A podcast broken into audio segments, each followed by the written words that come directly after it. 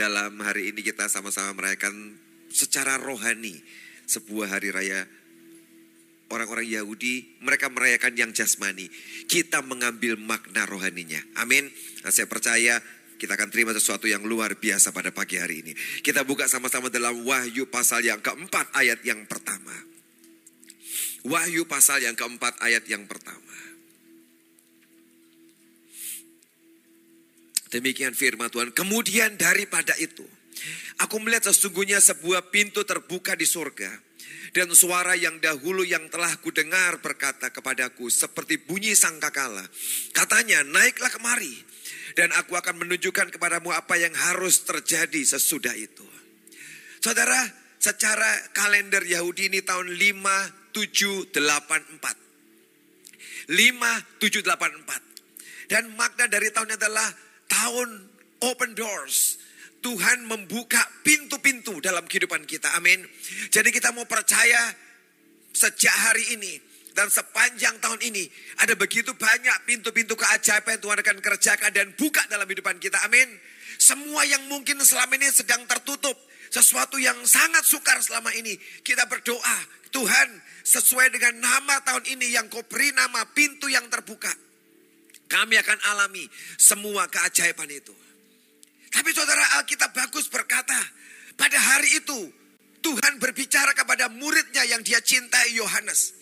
Dan dia berkata, sesungguhnya pintu terbuka di surga.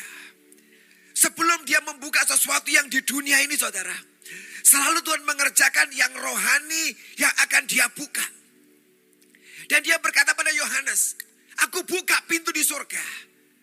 Tapi untuk bisa sampai ke sana, bisa melihat ada misteri apa, ada rahasia apa di belakang pintu itu saudara. Dia berkata, engkau harus naik kemari, harus naik kemari. Saudara, tahun ini kalau kita pengen mengalami pintu-pintu yang dibukakan oleh Tuhan, mau tidak mau, kita harus membuat manusia rohani kita, level kita dinaikkan oleh Tuhan. Amin. Sebab waktu rohmu dinaikkan level rohanimu. Pengajaran maka Tuhan dinaikkan. Di situlah aku akan bisa melihat sebuah misteri yang dibuka. Sebuah rahasia yang disingkapkan Tuhan. Seperti yang dialami Yohanes pada cerita ini saudara. Dia berkata naik Yohanes, naik Yohanes, naik Yohanes. Dan ketika Yohanes dibawa naik oleh Tuhan hari itu. Di situlah dia melihat pintu itu dibuka dan apa yang Yohanes lihat saudara. Ketika pintu dibuka apa yang Yohanes lihat. Dari ayat 2 terus sampai dengan ayat 11. Bahkan sampai yang pasal kelima. Cuma satu yang pertama-tama Tuhan tunjukkan buat Yohanes. Semua kemuliaan Tuhan yang sangat luar biasa. Saudara saya tahu. Dia akan buka banyak pintu keajaiban. Tapi biarkan kerinduan hati kita yang pertama yang kau rindukan. Tuhan buka satu pintu dalam hidupku. Aku bisa melihat semua keajaibanmu, semua kemuliaanmu. Aku melihat pribadimu Tuhan. Seperti lagu yang kita naikkan tadi, show me your face. Kenapa saudara? Kalau engkau dibukain Tuhan dengan semua perkara rohani yang surga punya, yang Yohanes lihat.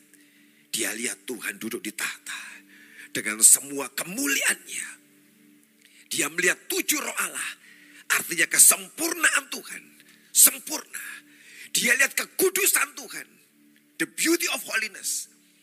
Yang begitu indah di sana. Dan dia lihat ada 24 tua-tua. Dengan mahkota yang nyembah tersungkur. Dia lihat empat makhluk di surga.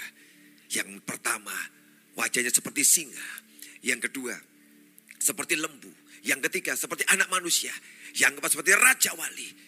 Dia lihat dan itu nyembah Tuhan. Semua kemuliaan surga dibuka oleh Tuhan ditunjukkan pada Yohanes. Kalau engkau bisa lihat itu saudara. Dan kau masuk di pintu itu. Saya percaya hatimu akan menjadi kuat. I will make it to the end. Aku akan buat sampai akhir. Bisa selesaikan dengan dahsyat. Amin. Kalau engkau lihat begitu besar pengharapan dan kemuliaan yang sedang dia sediakan di dalam kerajaannya. Itulah pintu pertama yang dia mau buka buat hidup kita di tahun ini. melihat dia dan memandang dia.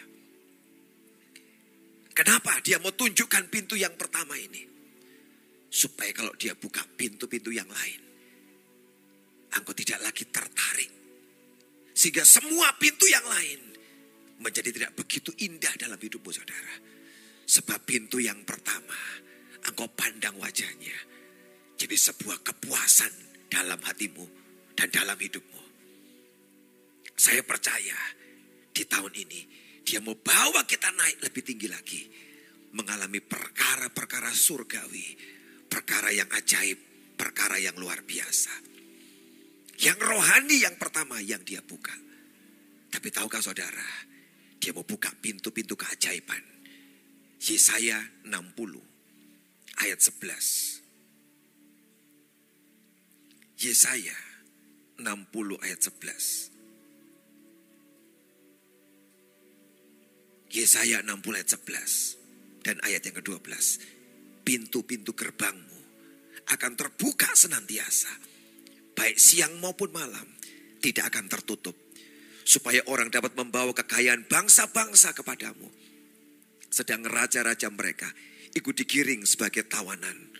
Sungguh bangsa dan kerajaan yang tidak mau mengabdi kepadamu akan lenyap. Bangsa-bangsa itu akan dirusak binasakan kalau saudara baca terus dari ayat 11 sampai 22. Begitu banyak keajaiban yang Tuhan kerjakan. Dikatakan ayat 11. Pintu-pintu gerbangmu akan terbuka senantiasa. Tuhan yang membuka pintu-pintu gerbang hidup kita. Bukan cuma pintu rumah saudara. Kalau cuma pintu rumah yang dia buka enggak seberapa besar kok saudara. Tapi dia berkata pintu-pintu gerbangmu akan terbuka senantiasa. Siang maupun malam. Seharusnya pintu gerbang malam ditutup saudara. Sebab sangat berbahaya. Ada musuh, ada orang jahat yang bisa akan nerobos masuk pada waktu malam. Tapi Tuhan berkata akan tiba saatnya. Di mana pintu-pintu gerbangmu siang atau malam akan terus dibuka. Dia mau bicara apa saudara? Dia mau bicara ada berkat 24 jam yang dia akan curahkan, limpahkan dalam hidup saudara. Amin. Waktu kau kerja, bahkan istirahat, kau tidak ngapa-ngapain. Berkat Tuhan akan dialirkan dalam hidupmu. Tapi pertanyaannya saudara, kalau dia buka 24 jam, blessing 24 hours. Dia buka gerbangmu siang dan malam. Dan bukan cuma hal receh yang masuk. Tapi dia katakan, aku membawa kekayaan bangsa-bangsa kepadamu. Kalau dia mengerjakan yang seperti ini. Apakah hatimu tetap kuat dan engkau tetap bergantung pada Tuhan? Ataukah hatimu mulai geser dan beralih kepada harta kekayaan yang dia akan limpahkan 24 jam dari bangsa-bangsa dalam hidupmu. Itu pertanyaan yang saya tanyakan buat diri saya dan buat gereja ini saudara. Kalau sampai hidup saya atau gereja ini diberkati sangat melimpah. Apakah HTE masih cari Tuhan dan kejar Tuhan? Kalau sampai janji ini jadi kenyataan. Dan saya percaya semua perkataan dan janji Tuhan tidak ada yang dibatalkan. Akan terjadi, saudara terjadi. Tapi pertanyaannya, kuatkah engkau? Kuatkah gereja ini? Kalau semua kekayaan bangsa-bangsa dialirkan 24 jam. Masuk melanda kita. Saya tanya buat diri saya. Apakah saya kuat? Kalau saya secara pribadi diberkati. Saya jujur dengan Tuhan berkata Tuhan, aku tidak yakin dengan hidupku. Aku tidak yakin. Mungkin ada orang yang sangat yakin, aku bisa Tuhan. Saya tidak yakin dengan diri saya. Kalau sampai datang berkat yang sangat banyak, apakah hatiku tetap melekat kepadamu? Atau tiba-tiba hati ini geser kepada yang lain? Dan tiba-tiba kita tinggalkan Tuhan. Masih ke gereja. Masih ikut MK. Masih melayani. Tapi Tuhan tidak bicara engkau hadir di gereja. Melayani. Tapi yang dia kejar hatimu. Apakah masih lekat dengan dia? Atau tiba-tiba melekat kepada uang. Berkat 24 jam yang dia buka dalam hidupmu. Tapi kalau engkau berhasil masuk ke pintu yang pertama. Dia buka semua kemuliaannya. Engkau alami kemuliaannya. Semua yang hebat. Waktu kau melihat kepada berkat 24 jam. Dia buka gerbangmu. Engkau bisa lihat semua pemberian itu. Tidak ada artinya. Betul itu masuk dalam hidupmu. Tapi kau tidak lihat lagi ada kemilau di sana. Sebab hatimu yang kau pandang ada yang lebih berkemilau. Lebih cemerlang daripada dunia yang diberikan buat saudara. Kenapa dia mau buka pintu yang pertama buat kita? Lihat semua keajaibannya. Supaya kalau pintu yang kedua dia buka, hatimu tidak condong ke sana. Saya percaya di tempat ini akan banyak orang-orang yang diberkati dan diangkat Tuhan. Tapi ini sebuah peringatan buat saudara hari ini. Jagai hatimu terus. Jangan pernah hatimu syarat dengan keserakahan, hawa nafsu, dan ingin akan uang dan harta. Sekalipun dia akan buka itu dalam kehidupan kita saudara. Berkat dia limpahkan dalam hidupmu. Tahun 5, 7, 8, 4. Itu juga berarti kita ini digambarkan seperti sesuatu yang menggantung. Sesuatu yang menggantung. Saudara, sesuatu yang gantung itu kan gak jelas toh saudara, yang gantung. Tapi menjadi jelas kalau dia terkait pada sesuatu. Kalau cantolan itu melayang-layang dia nggak jelas ke mana. Bagaimana sesuatu yang tidak jelas ini, yang menggantung ini menjadi solid dan kuat. Ada cara lain saudara. Kalau engkau nyantol ke Tuhan.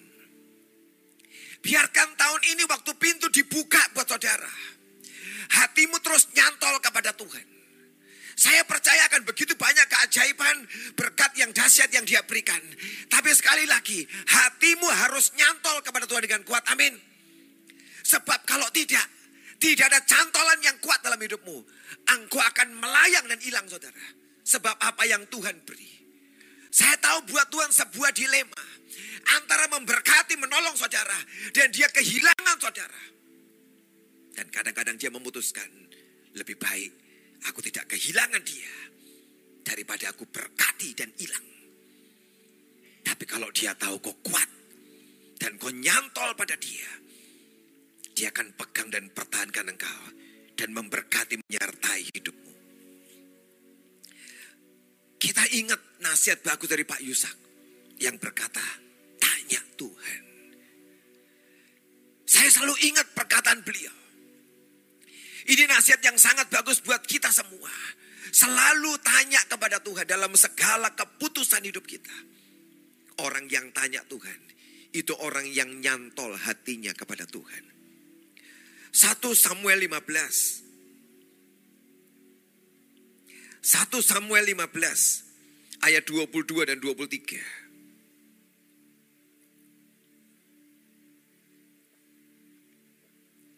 1 Samuel 15, 22 dan 23. Tetapi jawab Samuel, apakah Tuhan itu berkenan kepada korban bakaran dan korban sembelian? Sama seperti kepada mendengarkan suara Tuhan. Sesungguhnya mendengarkan lebih baik daripada korban sembelian. Memperhatikan lebih baik daripada lemak domba-domba jantan. Sebab pendurhakan adalah sama seperti dosa pertenung.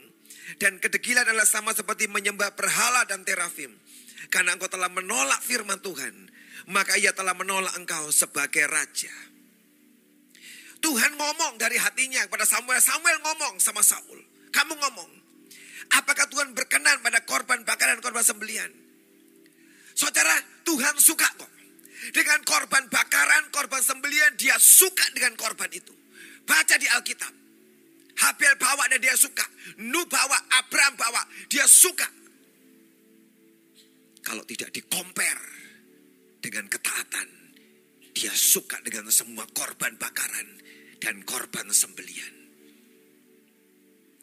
Tapi begitu dikompar dua hal ini, korban bakaran dan korban sembelian, dikompar dengan mendengar suara Tuhan. Tuhan berkata, singkirkan korban itu. Dan aku mau engkau taat mendengar suaraku. Sebab hari itu Saul, dia bawa korban bakarannya Tapi itu tidak dengan kesungguhan hati. Sebab dia tidak mendengar perintah dan nasihat Tuhan. Dia sekedar bawa korban itu. Dan Tuhan berkata, aku tidak suka yang ini. Lebih baik engkau taat kepadaku Saul. Daripada kau bawa korban. Dan kau tidak mentaati aku. Dan ayat 23 berkata, ketika kau tidak mendengar dia. Sebenarnya engkau adalah seorang yang durhaka Sebab pendurhakaan. Apa itu durhaka saudara? Bagi Tuhan loh. Kalau engkau tidak mendengar suaranya. Dan engkau tidak mentaati dia. Selama ini kita berkata, oh aku tidak durhaka kok. Tapi di hati Tuhan, dia berkata, engkau menolak perkataan Tuhan. Engkau tidak mentaati Tuhan. Dosanya adalah pendurhakaan. Tidak mentaati dia. Dia begitu suka tahun ini kalau ada orang-orang yang kejar dia dan mencari dia. Kalau kau mencari dia, saya percaya ada begitu banyak pintu-pintu keajaiban. Tuhan akan buka. Kunci yang kau bisa lewatin tahun ini. Dan lihat pintu-pintu dibuka. Kalau kau tanya Tuhan dan mentaati dia. Engkau bisa melihat dan kau alami pintu-pintu yang ajaib. Kisah Rasul 14, 25, 26. Kisah Rasul 14. 25 dan 26. Di situ mereka memberitakan firman di Perga. Maaf, kisah Rasul saya salah ayatnya. Ini kisah saudara tentang Paulus dan Silas yang dipenjara. Dan ketika mereka dipenjara, mereka berdua memuji Tuhan di dalam penjara. Tolong saya dicariin ayatnya, saya itu salah ini. Di dalam penjara itu, Paulus dan Silas di penjara. Dan pada tengah malam mereka berdua nyanyi nyembah Tuhan. Dan seluruh orang di penjara mendengar penyembahan mereka. Harusnya hari itu mereka nggak nyanyi saudara. Karena mereka sudah dipukul, dicambuk, sangat sakit, sangat menderita dan sangat lelah. Harusnya malam itu mereka tidur. Tapi malam itu mereka berdua nyanyi nyembah Tuhan. Dan Alkitab berkata dibuatlah sebuah gempa bumi oleh Tuhan. Dan tiba-tiba pintu penjara dibuka. Dan semua belenggu mereka terlepas. Dan hari itu Tuhan melepaskan mereka dari penjara. Dari pintu-pintu yang tertutup. Saudara Tuhan memberikan pintu yang terbuka. Bahkan untuk orang-orang yang sedang terpenjara, terbelenggu hidupnya. Hari ini, tahun ini, Tuhan mau menolong saudara melepaskan orang-orang yang sedang terpenjara hidupnya. Mungkin kita ini bebas. Tapi hatimu terpenjara ketakutan, persoalan, masalah keuangan. Banyak yang menjerah hidupmu. Bagus kisah ini berkata. Waktu mereka memuji menyembah Tuhan. Tengah malam itu. Seluruh orang di penjara mendengar mereka.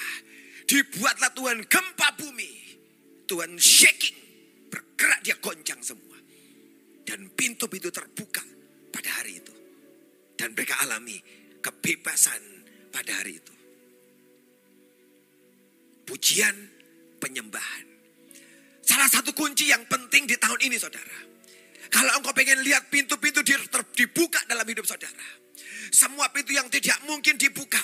Engkau nyembah Tuhan, sungguh-sungguh cari Tuhan. Engkau akan lihat mujizat Tuhan open doors, pintu dibuka. Bukan kebetulan, saudara. Kalau Pastor Frankie Kuncoro ngobrol dengan kami berkata, Pastor Victor, kenapa nggak buat di tahun depan? Di bulan Maret April, conference untuk worship penyembah-penyembah. Undang gereja-gereja.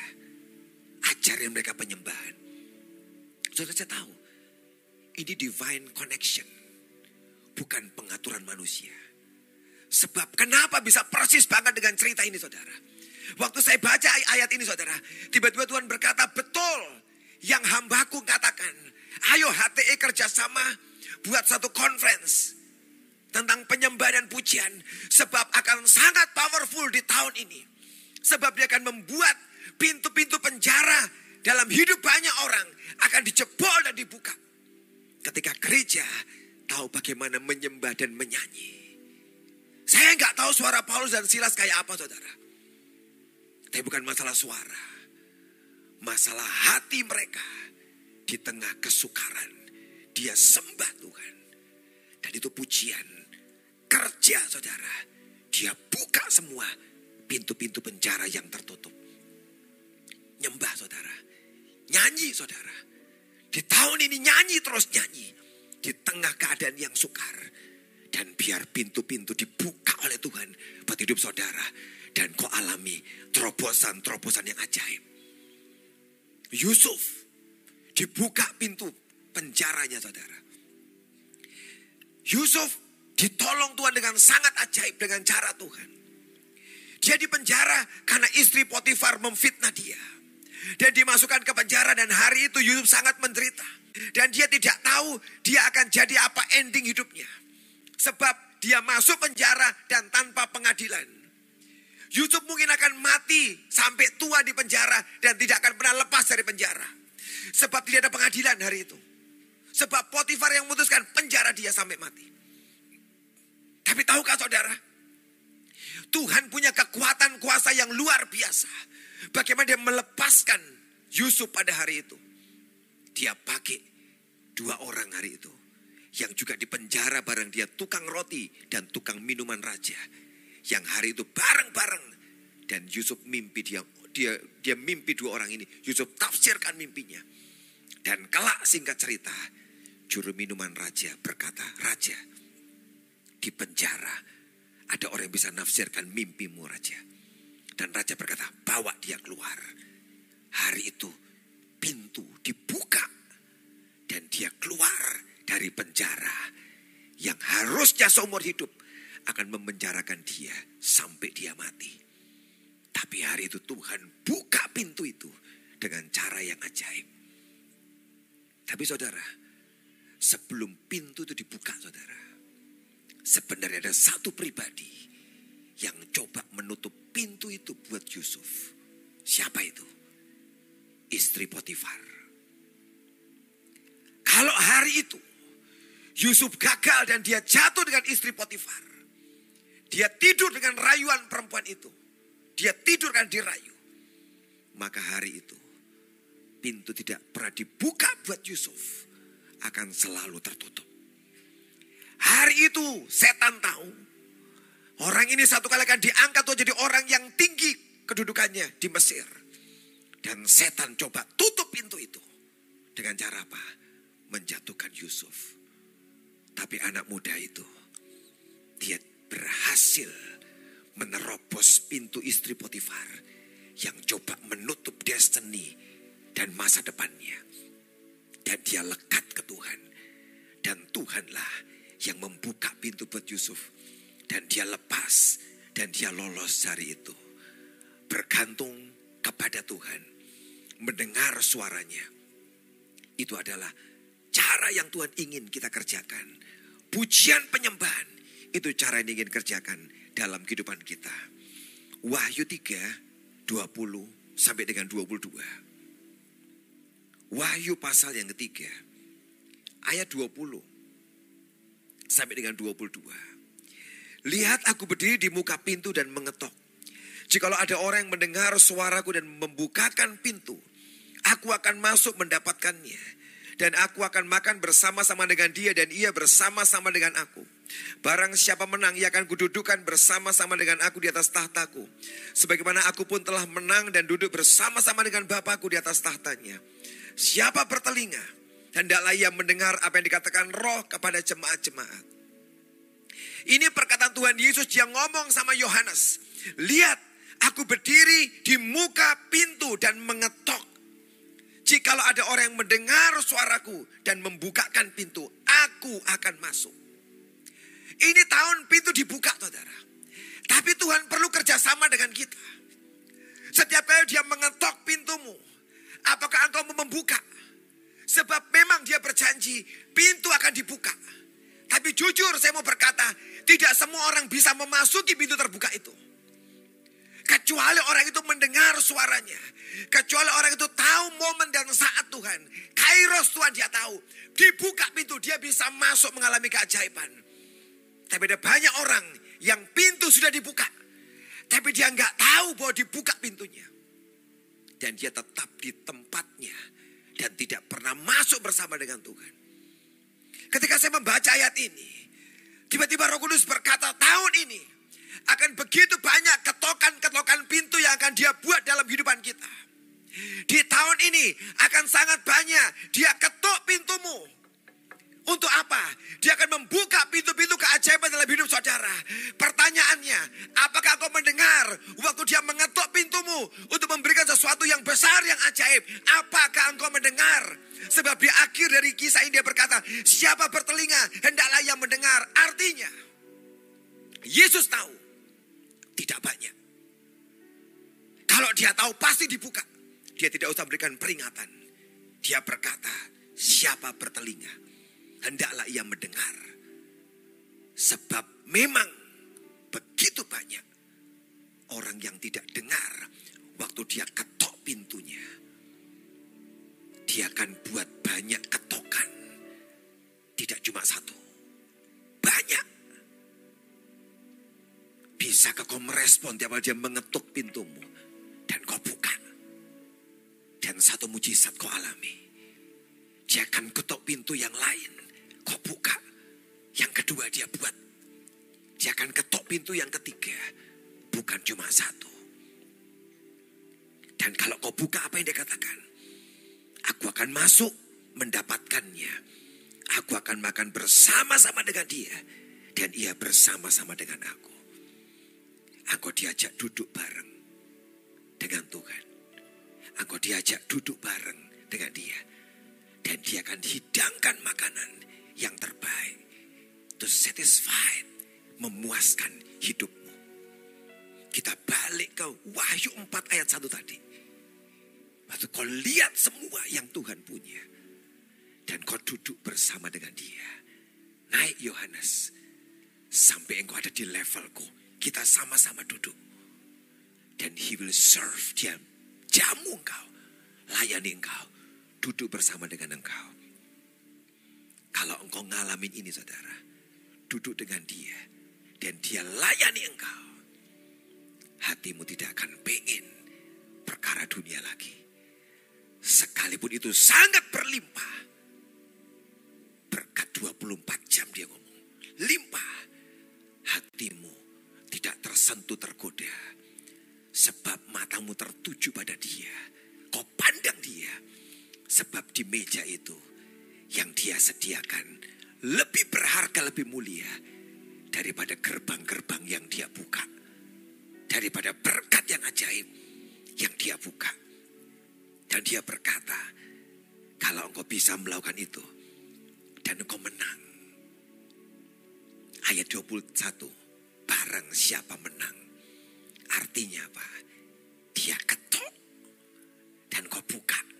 Dan sampai kau duduk dengan dia You are the winner. Engkaulah pemenang itu saudara. Amin. Sebab akan banyak menjadi loser. Orang yang kalah. Kenapa? Dia ketok. Dan kau gagal membuka pintu itu. Kalau engkau menang. Ia akan kududukan bersama-sama dengan aku di atas tahtaku. Saudara ini janji yang dahsyat saudara. Dia dudukkan kita bersama dengan dia. Siapa yang bisa bersama dengan Tuhan? Gak pernah ada. Tapi dia berkata, kalau kamu menang, engkau duduk bersama dengan aku. Dan yang mengatakan itu Tuhan Yesus. Dan ini bukan janji palsu. Ini janji yang sesungguhnya. Dia mengucapkannya. Dan dia akan melakukan dalam kehidupan kita. Pak, terlalu tinggi pak. Tidak tinggi kok buat Tuhan buat kita terlalu tinggi. Buat Tuhan tidak terlalu tinggi. Kalau ada orang yang dengar dia dan melakukan apa yang dia katakan, dia akan dudukkan kita bersama-sama dengan dia memerintah. Tapi dia ingatkan, siapa bertelinga, hendaklah ia mendengar. Perhatikan, perhatikan setiap ketukan di pintu dan biar kau mengalami keajaiban yang luar biasa. Amin. Arti yang ketiga saudara. Dari Tuhan tahun 5784. Dia buka pintu. Arti yang ketiga adalah ini tahun yang luar biasa saudara. Sebab angka 5784. Ketika satu malam saya ngobrol sama istri saya. 5784. Dan hari itu waktu saya bagi dua kita buat. Tuhan ngomong buat kunci anak kunci. Ini loh nanti saudara dapat semua ini. Buat anak kunci. Sebagai sebuah tanda profetik. Tuhan buka pintu dalam hidupmu dan gak ada yang ketutup.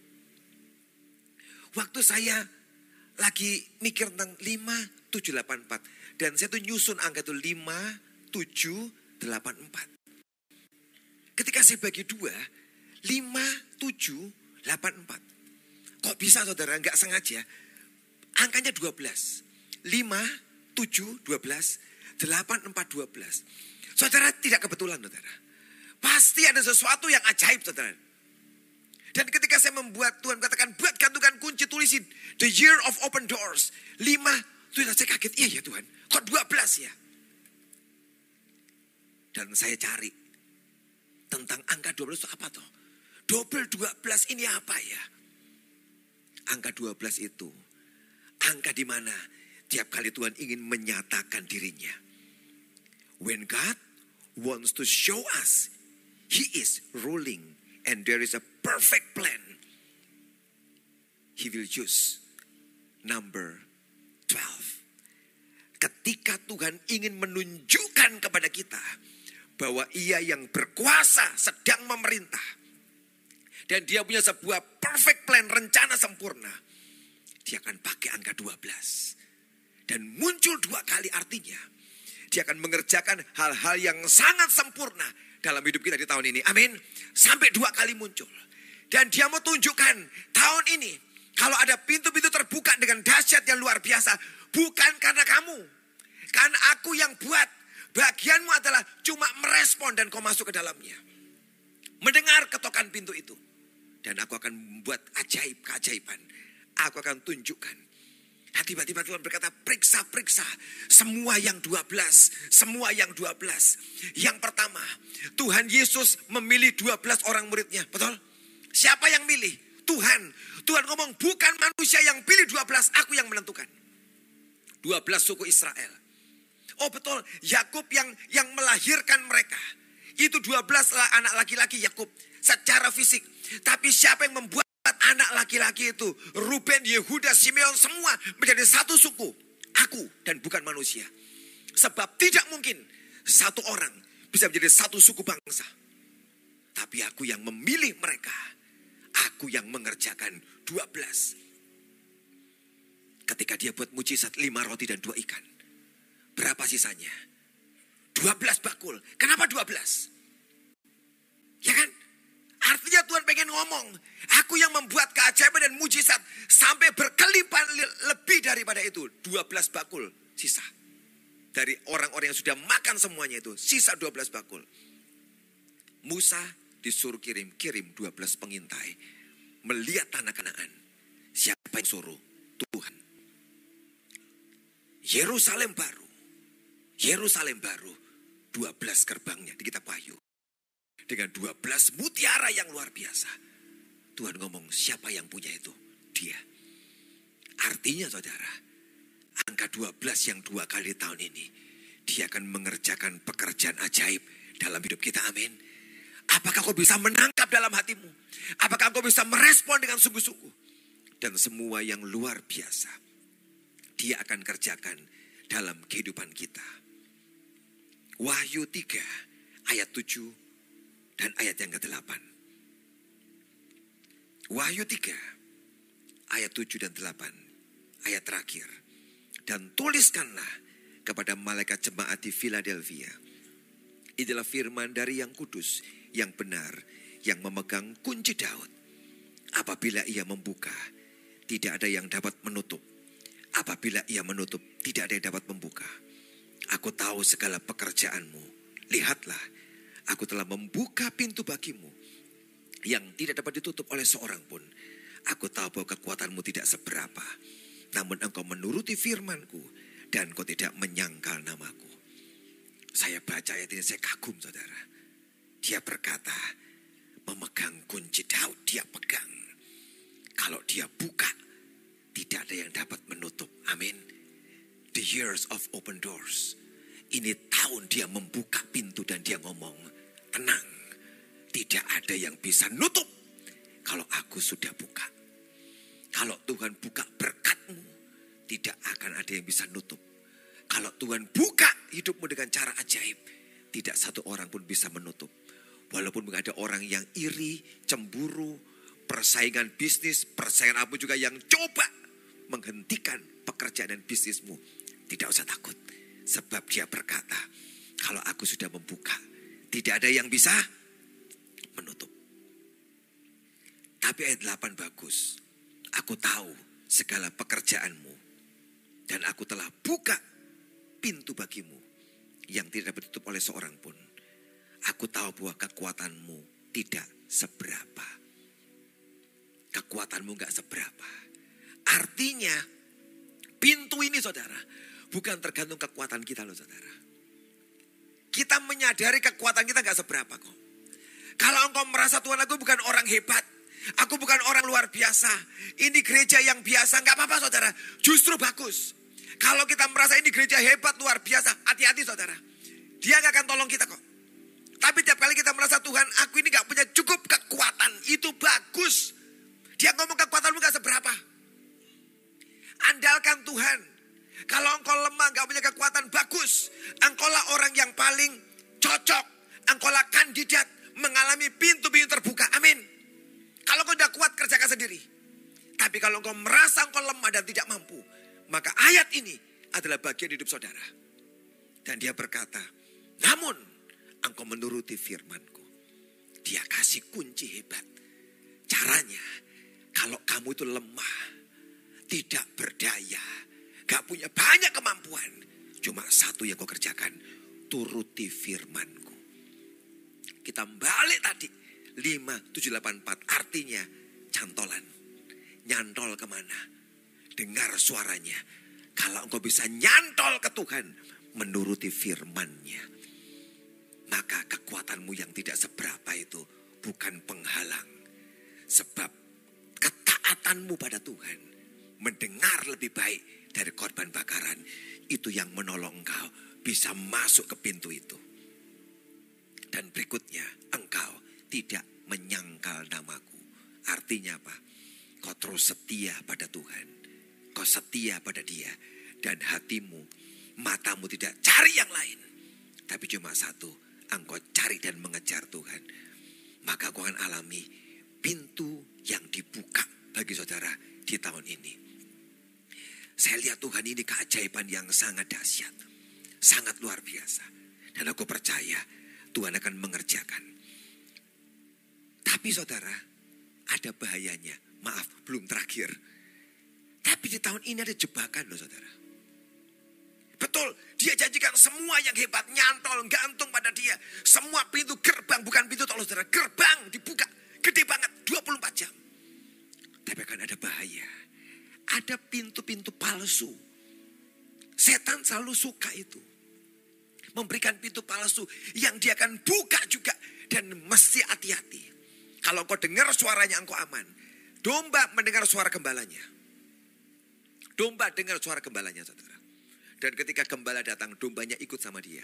Tolong di tayangan saya itu kemarin minta satu gambar kandang domba di timur tengah zaman dulu saudara. Tolong di tayangan. Nah ini saudara. Kalau saudara ngomong kandang domba pasti kayak rumah, ya kan? Pasti mikirnya gitu. Saya dulu juga mikir gitu. Ada rumah, ada pintu, ada atapnya semua. Tapi kandang domba di timur tengah zaman itu kayak gini saudara. Orang aja rumahnya dari batu semua, ya kan? Belum komplit. Seperti inilah gambarannya. Tuhan Yesus berkata dialah gembala yang baik. Dia akan dia akan datang ke sana saudara. Datang ke kandang domba ini. Untuk apa? Membawa domba-domba ini keluar. Betul? Di dalam kandang itu domba aman saudara. Saya, saya kadang-kadang baca ayat ini saya, saya, saya ngerti bertahun-tahun saudara. Tapi tiba-tiba roh kudus ngomong aneh ayat ini saudara. Ketika domba di kandang, betul dia aman. Tapi saya mau tanya saudara, apakah dalam kandang itu mereka punya rumput hijau? Kok Yopas gambarnya saudara, di kandang itu gak ada rumputnya loh saudara. Apakah di kandang ada rumput hijau? Apakah ada sungai yang segar di sana, air mengalir? Gak ada saudara. Di dalam kandang itu betul, mereka aman di sana dalam itu saudara. Tapi kau perlu dengar gembalamu datang. Dan dia buka pintu itu. Dan dia ajak domba itu keluar ke padang rumput. Betul? Kenapa kok gembala ajak keluar? Sebab kalau cuma di tempat itu di kandang itu. Safe, aman, betul. Tapi di sana tidak ada apa-apa saudara. Engkau cuma aman tok. Tapi Tuhan kita berkata, aku akan bawa mereka keluar ke padang yang berumput hijau di luar kandang bareng gembala. Dia tidak ingin jadi orang Kristen yang aman tok hidupnya. Selamat, tidak saudara. Tapi Tuhan dan gembala kita sedang bawa kamu keluar dari kandang ini saudara. Keluar ke padang yang rumput hijau. Dan di sana ada air yang berlimpah. Saya bilang Tuhan kau hebat ya Tuhan. Tidak cuman pengen kita safe di kandang dan tidak ngalami apa-apa. Tapi kau harus keluar bersama gembala itu nikmati rumput hijau dan air yang tenang. Tapi pencuri, dia akan datang, tidak lewat pintu. Dia akan melompat. Maka dikatakan pencuri melompat. Memang gampang dimasukin saudara. Ya kan, cuma batu. Pencuri gak datang dari depan saudara. Dia akan datang dari belakang pencurinya. Dia lompat pagar itu, kandangnya. Dan apa yang dia buat? Pencuri tidak akan membawa mereka keluar dibawa keluar, digembalakan tidak. Kerjaan pencuri adalah dia datang masuk dan dia akan datang diambil satu domba dicuri. Dia lompat dari belakang, dia ambil satu. Untuk apa? Membunuh, membinasakan dan menghancurkan. Mencuri, membunuh, membinasakan. Dia tidak ambil rombongan ini. Satu diambil. Buat keluar. Dia curi untuk apa? Dijual atau dipotong. Makanya dia kasih penjelasan. Pencuri datang ke kandang itu. Yang bukan gembala. Dia akan mencuri dan membunuh. Dan apa yang dia kerjakan? Satu diambil. Bunuh. Dan pencuri akan datang lagi. Ambil satu lagi. Dia bunuh. Dia tidak akan rombongan ngambilnya. Pelan-pelan. Pencuri itu. Diambil satu. Domba-domba yang dalam itu tapi kalau engkau bersama dengan gembala, pencuri tidak akan pernah berhasil mencuri domba itu. Amin. Jalan bareng dia. Alami dia.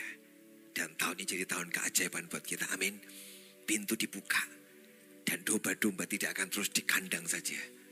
Dibawa keluar ke padang yang berumput hijau dan ke air yang tenang. Ketika dia ngomong itu Tuhan aku suka. Aku suka dengan caramu ngajar dan menceritakan semua ini Tuhan. Terima kasih Tuhan. Tahun ini kita ngalami pintu dibuka, rumput hijau dan air yang tenang jadi bagian kita. Tutup Alkitab saudara. Kita berdiri sama-sama saudara. Terima kasih Tuhan, terima kasih. Show me your face, Lord. Show me your face.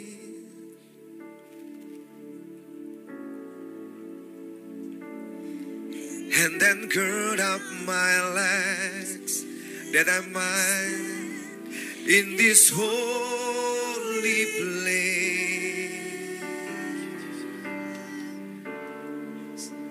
Show me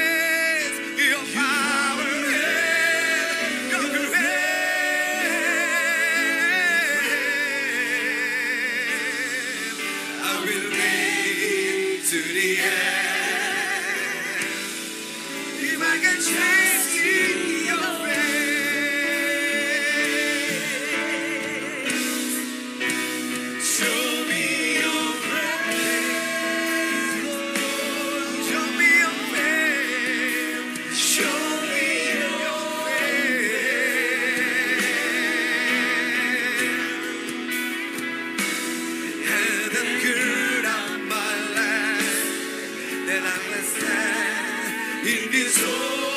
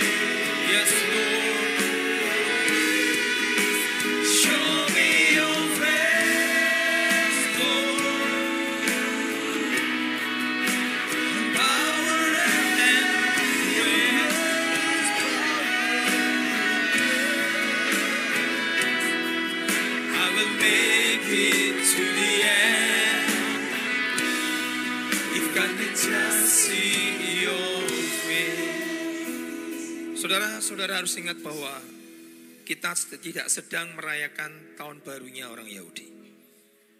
Imamat 23 ayat 1 dan 2. Berikan waktu saya 5 menit buat saudara. Tetap saudara berdiri. Imamat 23 ayat 1 sampai 2 berkata Tuhan berfirman kepada Musa dan berbicara kepada orang Israel dan katakan kepada mereka hari-hari raya yang ditetapkan Tuhan yang harus kamu maklumkan sebagai waktu pertemuan kudus. Ini hari raya yang Tuhan tetapkan. Saudara harus buat namanya pertemuan kudus. Waktu perayaan yang kutetapkan adalah yang sebagai berikut. Ada tujuh. Kalau saudara baca ada tujuh hari raya besar yang Tuhan minta untuk kita merayakannya. Satu Paskah bertepatan kematian Tuhan. Dua adalah roti tidak beragi. Bicara tentang Tuhan Yesus sebagai roti hidup. Perayaan buah sulung. Kebangkitan Tuhan. Pantai Kosta. Kedatangan roh kudus. Rosasana. Atau the Feast of Trumpet. Hari raya pada saat trompet itu akan ditiup.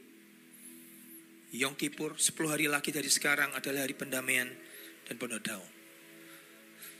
Saudara kita tidak sedang merayakan perayaan orang Yahudi. Kita sedang melakukan firman yang berkata ini adalah hari yang Tuhan mau. Ada apa di hari Rosasana? Setiap kali hari Rosasana adalah masa penciptaan di awal, diperkirakan itu. Itu nubuatan dilemparkan, dilepaskan. Bicara tentang apa? Tentang ada yang namanya perlindungan Tuhan. Bicara tentang penyediaan Tuhan. Dan bicara tentang perjanjian Tuhan. Tadi pada saat Pak Pendeta berkata, biar engkau memandang wajahnya sampai akhir.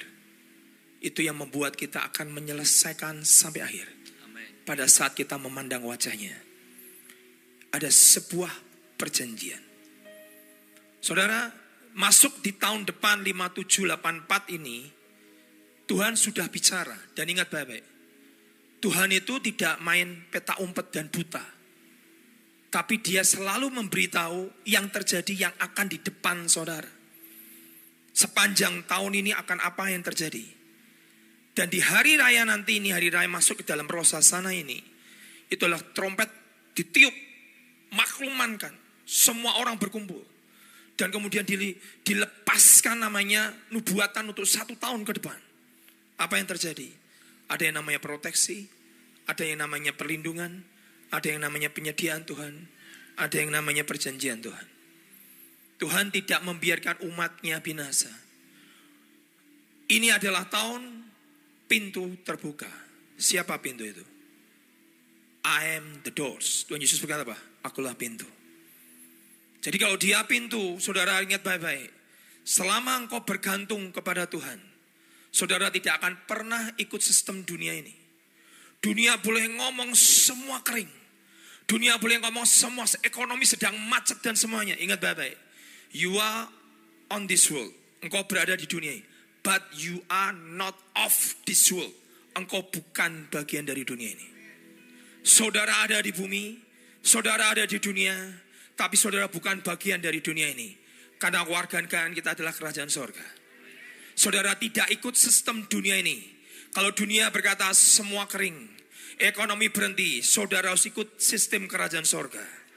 Di tengah gurun yang luar biasa, ada Goshen. Tahun ini Tuhan berkata ada Goshen. Apa itu Goshen? Tempat anak-anak Tuhan yang sedang dilindungi. Tempat anak-anak Tuhan sedang mengalami namanya perbedaan. Saudara akan mengalami perbedaan. Saudara akan mengalami perbedaan yang luar biasa dengan orang Mesir. Dengan dunia. Karena saudara bukan of this world. Saudara bukan dari dunia ini. Saudara adalah warga kerajaan surga. Yang percaya katakan amin. Saudara, tahun ini saudara akan masuk sesuatu yang luar biasa karena banyak pintu-pintu yang terbuka yang luar biasa. Ini tahun semua telinga yang tuli akan terbuka. Yoel 228 sedang terjadi dengan luar biasa. Telinga rohani sedang terbuka, telinga rohani sedang terbuka. Kau akan dengar dia bicara. Kau Tuhan, kau akan berkata Tuhan tunjukkan jalanmu dan dia akan bicara. Selalu ada perbedaan. Di tengah tiga setengah tahun masa kering Elia, Tuhan memberikan makan kepada janda Sarfat. Itu adalah tahun di mana Tuhan berkata, ada polanya. Semua sudah terjadi. Di bawah kolong langit ini tidak mungkin tidak akan terulang. Semua akan kembali kepada circle kembali lagi. Tuhan sudah berkata, aku akan lindungi umatku. Saya mau berkata kepada saudara, jangan takut kau bukan dari dunia ini. Engkau bukan berasal dari dunia ini. Engkau berasal dari kerajaan surga. Saudara ikuti sistem kerajaan surga. Pintu terbuka, telinga sedang terbuka dengan luar biasa. Apa yang akan sedang terjadi Tuhan bukan random. Saudara. Dia punya tanggal, dia punya hari, dia punya jam, dia punya waktu yang tepat. The feast of the Lord, the sound of trumpet. Pada saat nanti saya minta sofar ditiup di tempat ini, saudara dengar baik-baik. Kedatangan Tuhan akan dibunyikan trompet. Dan kita harus menyiapkan diri. Kalau setiap kali di hari perayaan Paskah kematian, roti tidak beragi Tuhan Yesus yang hidup. Buah sulung adalah hari Tuhan Yesus bangkit. Pantai kosal kedatangan roh kudus. Berarti Tuhan akan bermain dengan waktu yang tepat. Kita tidak tahu kapan itu. Tapi pada saat suara trompet dibunyikan, nanti terjadi rapture. Saudara harus mendengar suara the sound of trumpet. Kenapa kita punya shofar? Pak itu orang kuno. No, no, no, no. Karena ada yang namanya the festival of the trumpet. Hari raya peniupan trompet. Itu persis hari Rosasana. Ditiup pada saat awal kemarin di hari Jumat. Pada saat matahari terbenam. Dan nanti akan diakhiri minggu malam. Nanti trompet akan dibunyikan lagi. Saudara dengarkan baik-baik.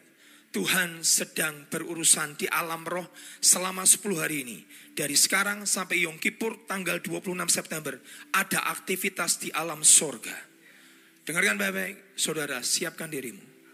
Karena sesuatu yang besar sedang terjadi. Ingat baik-baik, engkau bukan dari dunia. Engkau tidak ikut sistem dunia.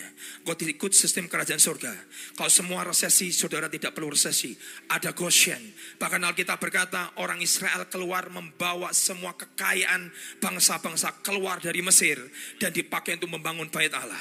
Tuhan selalu menyediakan umatnya di tengah gurun yang paling gelap 40 tahun. Pemeliharaan Tuhan tetap ada. Dalam hidup kita sama. Jangan ikut sistem dunia.